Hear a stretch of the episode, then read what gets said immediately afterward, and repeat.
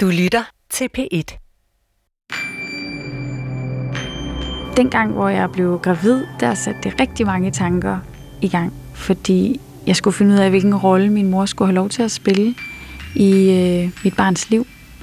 Øh, og det er stadig noget, jeg, jeg bakser med, fordi jeg jo gerne vil have, at de skal have en relation, men jeg bliver også nødt til at beskytte mit eget barn. Du lytter til fjerde og sidste episode i serien En rødvinsplettet barndom. Med Katrine Kvorning, der som voksen har valgt at bryde tavsheden og fortælle om sin oplevelse af at være vokset op i en familie med en mor, der nogle dage drikker for meget. Efter jeg har fået en søn, så har jeg jo også sagt til hende, at hvis hun er fuldt sammen med min søn, så får hun ikke lov til at se ham igen. Men det har jeg jo heller ikke kunne holde. Altså, øh, det er ikke lang tid siden, at hun inviterede os ud i sommerhus, hvor min far han sagde, I skal nok ikke tage dig ud alligevel. Katrines forældre er gift, men har hver sin adresse, og faren sørger for at holde børnene orienteret om, hvordan moren har det, før de skal mødes med hende. Så skriver jeg til hende, at øh, det er aflyst, fordi at det vil jeg ikke udsætte hverken min søn eller mig selv for. Og så ringer hun så og siger, øh, og lyder egentlig i et og siger, hun er så ked af det, og øh, der er ikke noget alkohol med herude, og hun vil bare rigtig gerne se os. Og så sætter jeg mig ind i bilen, og så kører vi derud. Men da jeg kommer derud, så er hun tydeligvis påvirket. Og hun nægter det. Men, men det er meget tydeligt, og min far han er så også taget derud, for han ville også lige være sikker på, hvad det var, der skete. Øh, hvor jeg så blev nødt til at sige til hende, så pakker vi bilen igen, og så kører vi hjem. Og der har jeg jo en rigtig god aftale med min far. Fordi min far, han, øh, han er jo ligesom garant for, at når vi skal ses, så, øh, så er min mor ikke fuld. Det skete så sent som i forrige uge, hvor min søn han har fødselsdag, ikke? hvor hun gik glip af hans fødselsdag. Øh, hvor far han siger, ja, mor hun kommer ikke, hun er syg. Og vi ved godt, hvad det betyder. Ikke?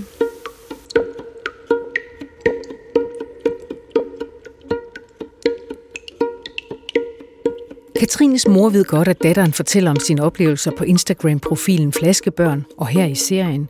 Og hun har også læst den bog, Katrine har udgivet med tegninger og tekster. Men Katrines mor medvirker ikke selv, og der medvirker heller ikke andre forældre, hvis børn synes, de drikker for meget. Seriens fokus er ikke på, hvorfor forældrene drikker, men på, hvordan det påvirker børnene, også når de er blevet voksne. Jeg er lige ankommet til Odder Gymnasium, hvor jeg skal holde et foredrag om øh, alkoholisme og om at være barn af en alkoholiker. Det er øh, et af mine første foredrag, og jeg er rigtig spændt på at møde eleverne. Øh, også fordi, at øh, der jo helt sikkert sidder nogen nede i salen, der også øh, lever hjem med misbrug, øh, men som ikke har sagt det endnu. Øh, og dem håber jeg, at jeg kan nå, øh, og måske også øh, få i tale. Værsgo, Katrine. Mange tak. Jeg hedder som sagt Katrine, og jeg er kommet i dag for at fortælle jer en hemmelighed. En hemmelighed, som jeg har båret rundt på hele mit liv. Det er, at øh, min mor, hun er alkoholiker. Det er fuldstændig sindssygt, at jeg gik igennem hele skolesystemet, uden at jeg nogensinde hørte noget om det. Så I skal takke jeres gymnasie for, at de har arrangeret den her dag. Øh, for det er simpelthen super vigtigt. Måske ikke lige for dig, men så måske for dem, der sidder lige ved siden af. Og før jeg fortæller mere om min historie, så vil jeg sige, at det er selvfølgelig mig, der tegner stregerne, og mig, der fortæller. Øh, så det kan godt være, at min søskende har en anden historie, og min mor har sikkert, helt sikkert en anden historie.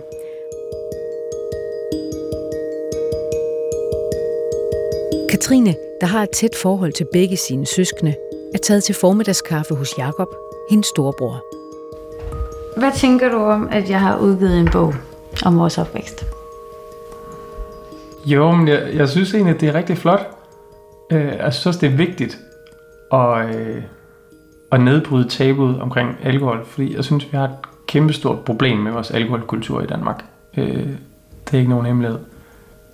Men derfor kan man jo godt føle sig lidt udleveret og synes, at det kan være svært, at det er ens historie, eller i hvert fald dele af ens historie, der bliver vist i en bog. Øh, og nu siger jeg dele, fordi vi har også haft forskellige oplevelser af, mm. af vores barndom. Men på den måde, så tager jeg jo, det virker som om, jeg tager retten til at definere, hvad vi har oplevet. Ja, du tager patent på, sådan her mm. var det. Og det er jo din udgave. Mm. Du spurgte mig, om jeg ikke kunne udgive den under et pseudonym. Ja, fordi jeg tænkte sådan lidt, at det vigtige er at den kommer ud. Det vigtige er at vi snakker om alkohol og forændret kulturen. Det vigtige er ikke nødvendigvis, at der bliver fokus på lige præcis øh, min mor eller, eller vores familie. Der er også en balance i det, fordi at vores mor, hun lever jo stadig, og hun skal jo også have mulighed for at kunne være i det. Hvordan hjælper du en alkoholiker? Jamen, det kan du ikke. Det, de skal ligesom selv ramme deres egen bund, men, men hvordan rammer vores mor hendes egen bund? Øhm, og hvis hun gør det, øhm, så skal hun jo have et eller andet at komme tilbage i, og et eller andet og stadigvæk kunne være hende, fordi ellers så har man da ikke lyst til at komme tilbage. Så der ligger også et eller andet håb i, at, at min mor en dag vil stoppe med at drikke. Øhm. Men du tænker, at det godt kan være svært at kravle op af den flaske, hvis det man ser, når man kommer op, det er, at der er nogen, der har skrevet en bog om, at, at man ikke har været så god en mor. Det kan være svært, ja. ja. Øhm, og det vil selvfølgelig være rigtig flot, hvis man kommer både op af flasken, og man øh, kan stå frem bagefter. Øhm, men det er et højt krav at stille. Og du er bange for, hvad der kan ske? Ja, det er klart, hvis jeg vidste, at det her det var, det var måden at gøre for, at hun, hun fik det bedre, så var det jo det, jeg ville gøre. Det tror jeg, vi alle sammen er enige om. Mm. Øhm, og hvis jeg vidste, jamen måden var at støtte hende så meget som muligt, og ja, vise sine børnebørn og sådan noget, jamen så, så var det jo det, vi havde gjort. Men, men der er bare ikke en entydig løsning på, hvordan man hjælper en alkoholiker. Katrine og hendes søskende er langt fra de eneste, der er præget af en rødvinsplettet barndom. Sundhedsstyrelsen anslår, at 122.000 børn under 18 år vokser op i hjem med en alkoholiseret mor eller far. Det svarer til hver tiende barn. I redaktionen har vi talt og skrevet med en lang række voksne i 20'erne og 30'erne, hvis forældre drikker for meget. En del af dem har selv fået børn, og de fortæller, hvor svært det er at begribe, at deres forældre stadig vælger flasken når prisen er, at de ikke kan se deres børnebørn. Vi har i redaktionen omskrevet en af beretningerne og indtalt den for at undgå at hænge nogen ud.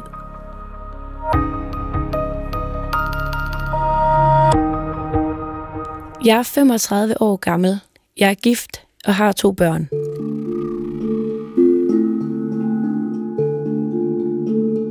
Min far har haft et alkoholmisbrug, siden jeg var cirka 10 år gammel.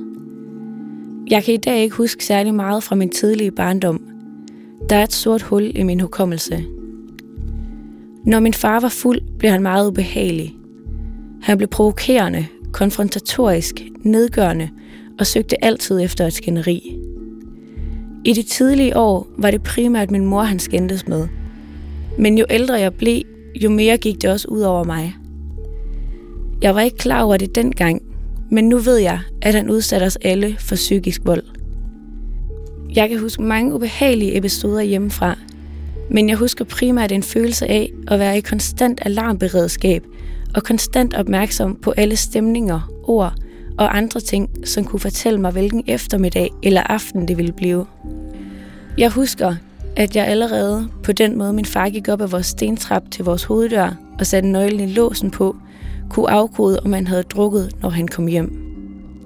Jeg husker at være bange for min far, og det står meget klart i min hukommelse, hvordan han så ud. Røde sejlende øjne, let fremlænet mod mig, truende, mens spyttet fløj, når han råbte af mig.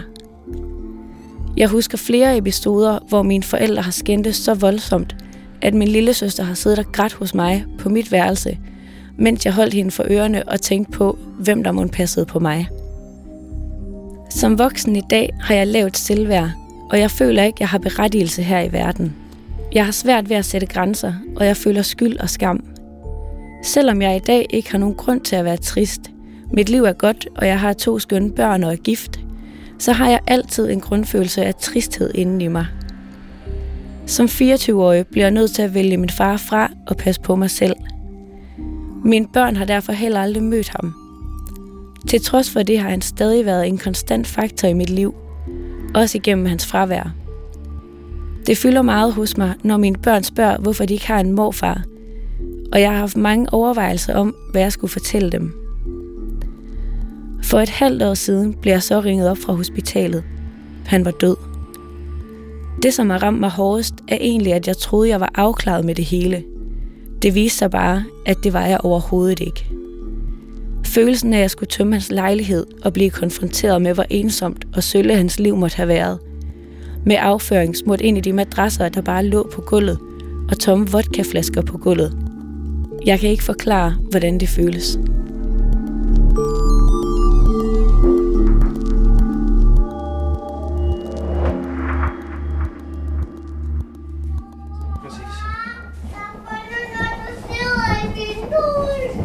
Hvad det, der sidder i vinduet, skat?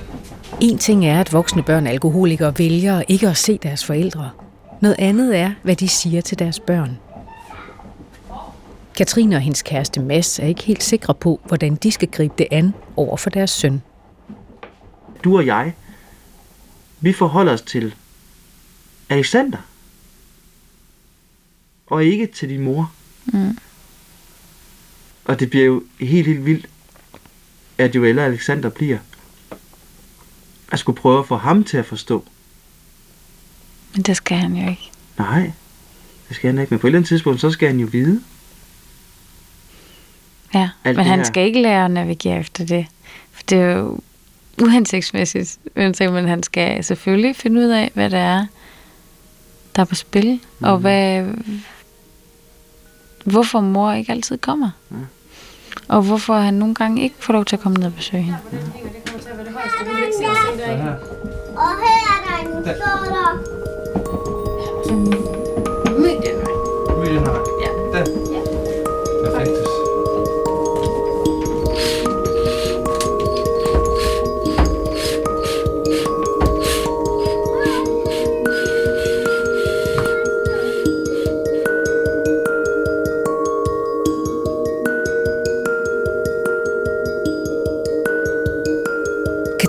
Og hendes ældre bror Jakob har begge fået børn inden for de seneste fire år, og de to søskende skal finde ud af, hvilket forhold deres mor skal have til deres børn.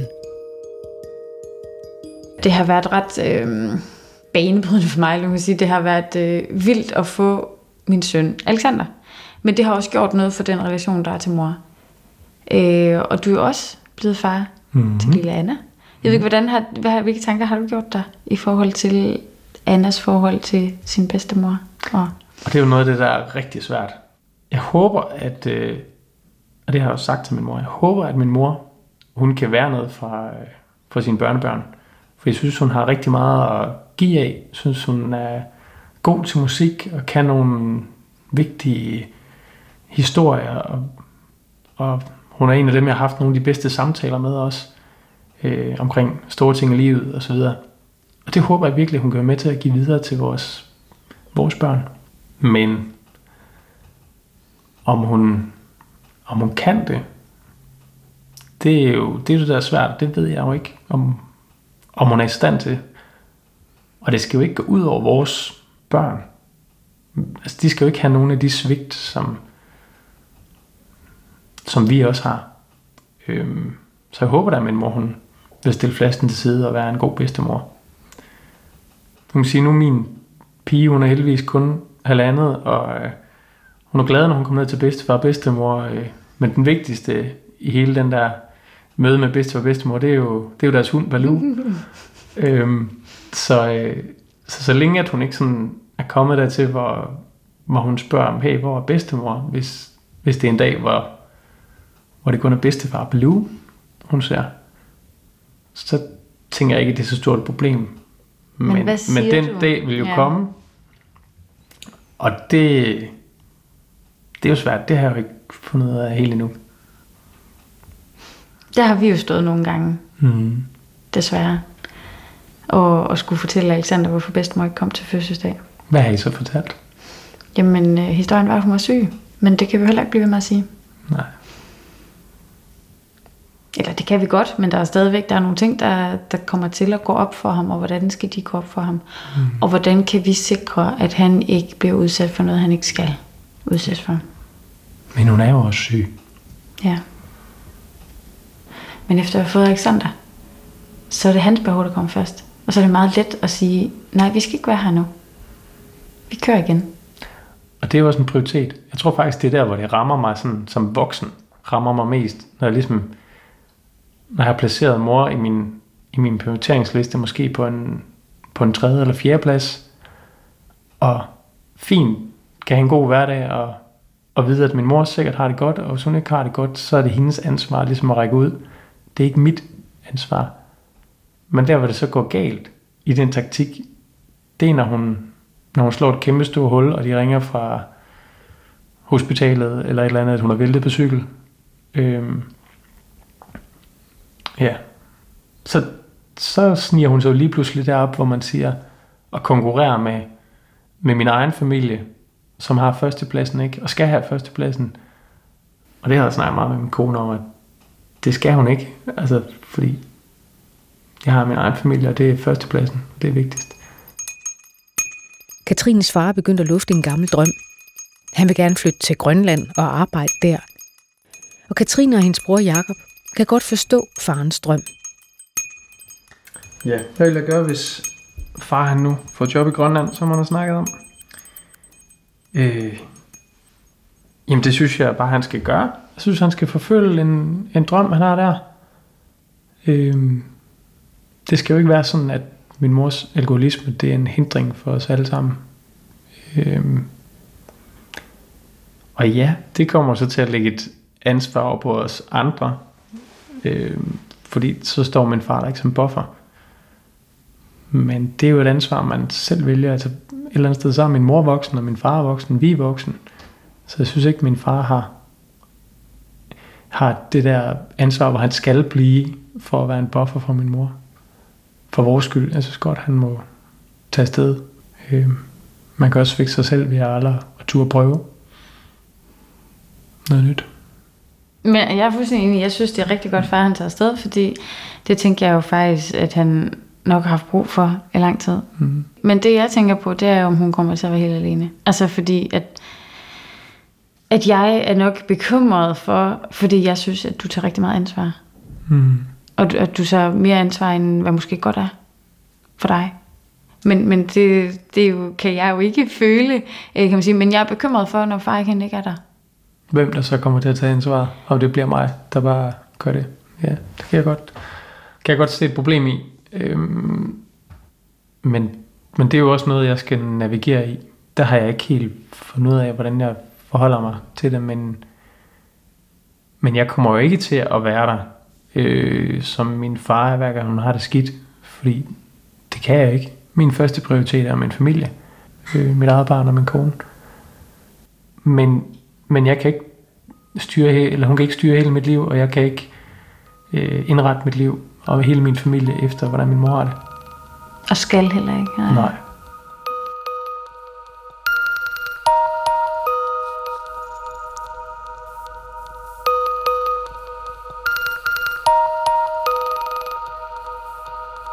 Øhm, det er en stor sorg for mig, at hun ikke er den mor, som hun kunne være. Og den bedste mor, som hun kunne være for mit barn. Når jeg ser andre med, med deres mødre, øh, både den relation, som de har, den, den kærlighed, der er mellem øh, en bedsteforælder og, og et barnebarn, det kunne min mor også have med, med min søn. Hun kunne være så meget. Men, men hun vælger det jo fra, når hun drikker. Ja. Hun må da også savne det. Altså, jeg, jeg forstår simpelthen ikke, hvordan alkohol kan være løsningen for hende på noget som helst. Også fordi jeg jo også ved, at hun er en kærlig person. Og omsorgsfuld, og, og at hun gerne vil alt det der, ikke?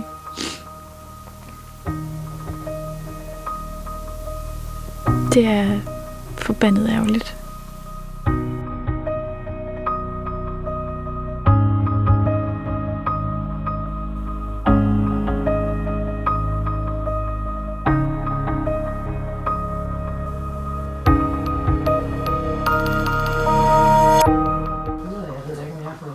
Katrine er taget på besøg hos psykolog Helle Lindgaard. Hun har i flere år forsket i, hvordan forældres alkoholproblemer præger børn, og hun arbejder som psykolog i egen klinik, hvor hun blandt andet har terapisamtaler med pårørende til alkoholmisbrugere. Øhm, noget af det, som jeg virkelig baksede med, det var at finde ud af, hvilken rolle min mor skulle få lov til at spille over for mit barn. Mm. Det er også en enorm udfordring, fordi der skal være helt klare regler. Ja. Vi, øh, vi rådgiver faktisk til helt klare regler, der hedder, hvis din mor eller far er påvirket, har drukket, så må de ikke være sammen med dit barn. Selvfølgelig. Øh, og det kan være enormt svært at håndhæve som, øh, som datter og søn. Virkelig. Øh, som voksen datter og søn. Øh, og jo især, hvis alkoholproblemet ikke er erkendt, hvordan får man så formuleret, at det der problem, som du ikke har, det må du ikke have sammen med mine børn. Mm. Og det, der også bliver svært, er jo også, hvad skal man sige til sine børn?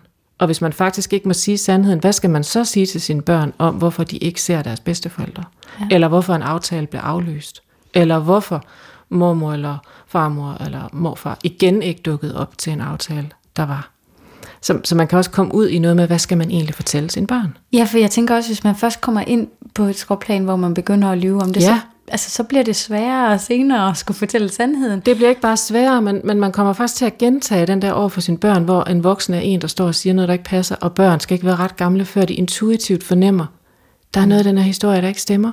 Og så har vi i virkeligheden den samme situation igen med børn, der tænker, er det mig, Mm. der er kan jeg stole på? Ja. Ja, kan jeg stole på min mor eller far, eller kan jeg stole på mig selv, ja. for jeg fornemmer noget her er galt. Så du tænker øh, ærlighed? Ja, Altså, ja. Afhængig af barnets alder. Ja. Men jeg tror, det vigtige det er at være autentisk i, øh, i situationen. Virkelig. Ja. Fordi børn så intuitivt fornemmer, hvad der foregår. Ja, mm. men, men jeg synes stadigvæk, øh, at det, at jeg føler mig øh, hård mm. og følelseskold over for hende nogle gange, mm. fordi at jeg har taget det her valg.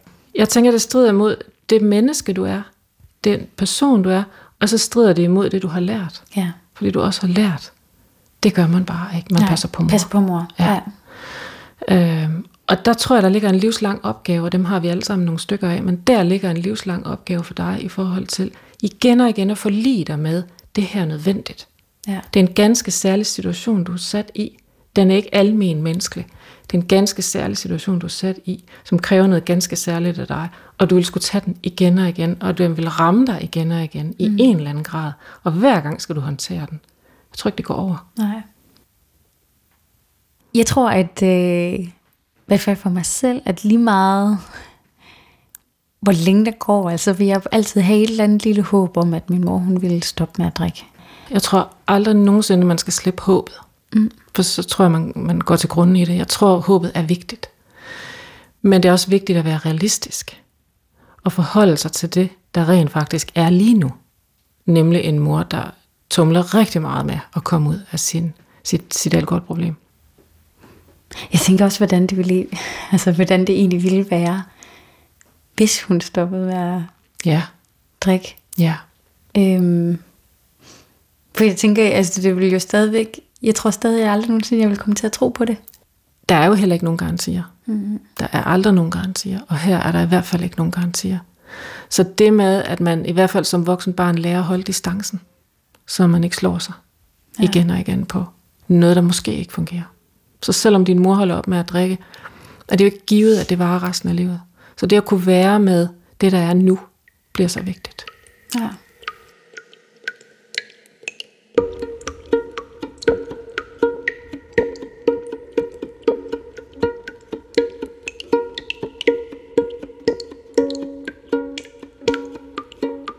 Katrine og hendes kæreste Mads og sønnen Alexander har taget hul på et nyt kapitel. De flyttede til Vejle. Både for at komme tættere på Mads familie og på Katrines bror Jakob, som også er flyttet til byen med sin kone og datter. Jeg går rundt i det her øh, halvtomme hus. Vi har fået vores øh, møbler med herned, men vi har jo slet ikke nok. Før havde vi bare sådan en lille lejlighed i Aarhus, og, og nu har vi et helt hus, vi skal fylde. Men jeg har fået mit helt eget skrivebord. Før der sad jeg jo ved spisebordet og tegnede, og så ryddede jeg det hele sammen mellem hver måltid. Men øh, nu har jeg mit eget skrivebord og, og rode på, og det gør jeg. Der ligger tegning over det hele lige nu.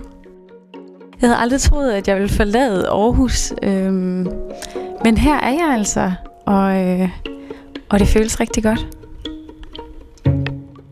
Katrines plan er at fortsætte med at tegne på sin Instagram-profil og holde foredrag om sin opvækst.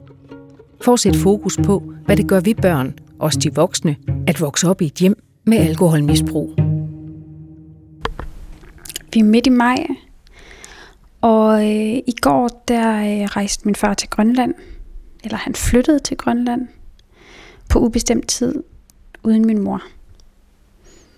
Så nu, nu går vi og holder vejret. Jeg er spændte på, eller bekymret er det jo, for hvordan mor hun reagerer på det. Hun får rigtig meget tid alene nu. Før der var vi vant til, at vi kunne ringe til far og lige få en update på, hvordan mor havde det, før vi ringede eller besøgte hende. På den måde så skærmede han os. Men nu er der kun os tilbage. Jeg håber virkelig, at det her det kan være et vendepunkt for hende. Men jeg frygter det værste.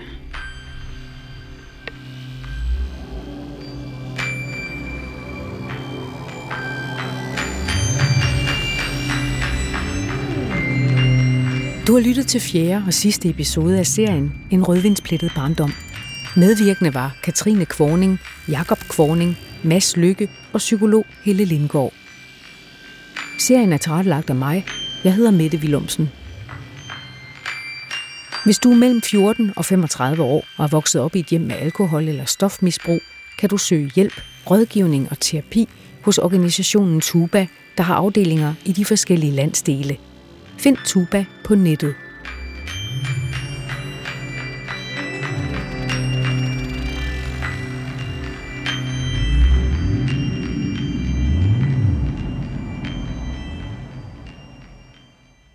Du kan høre flere P1-podcasts i DR's radio-app. Det giver mening.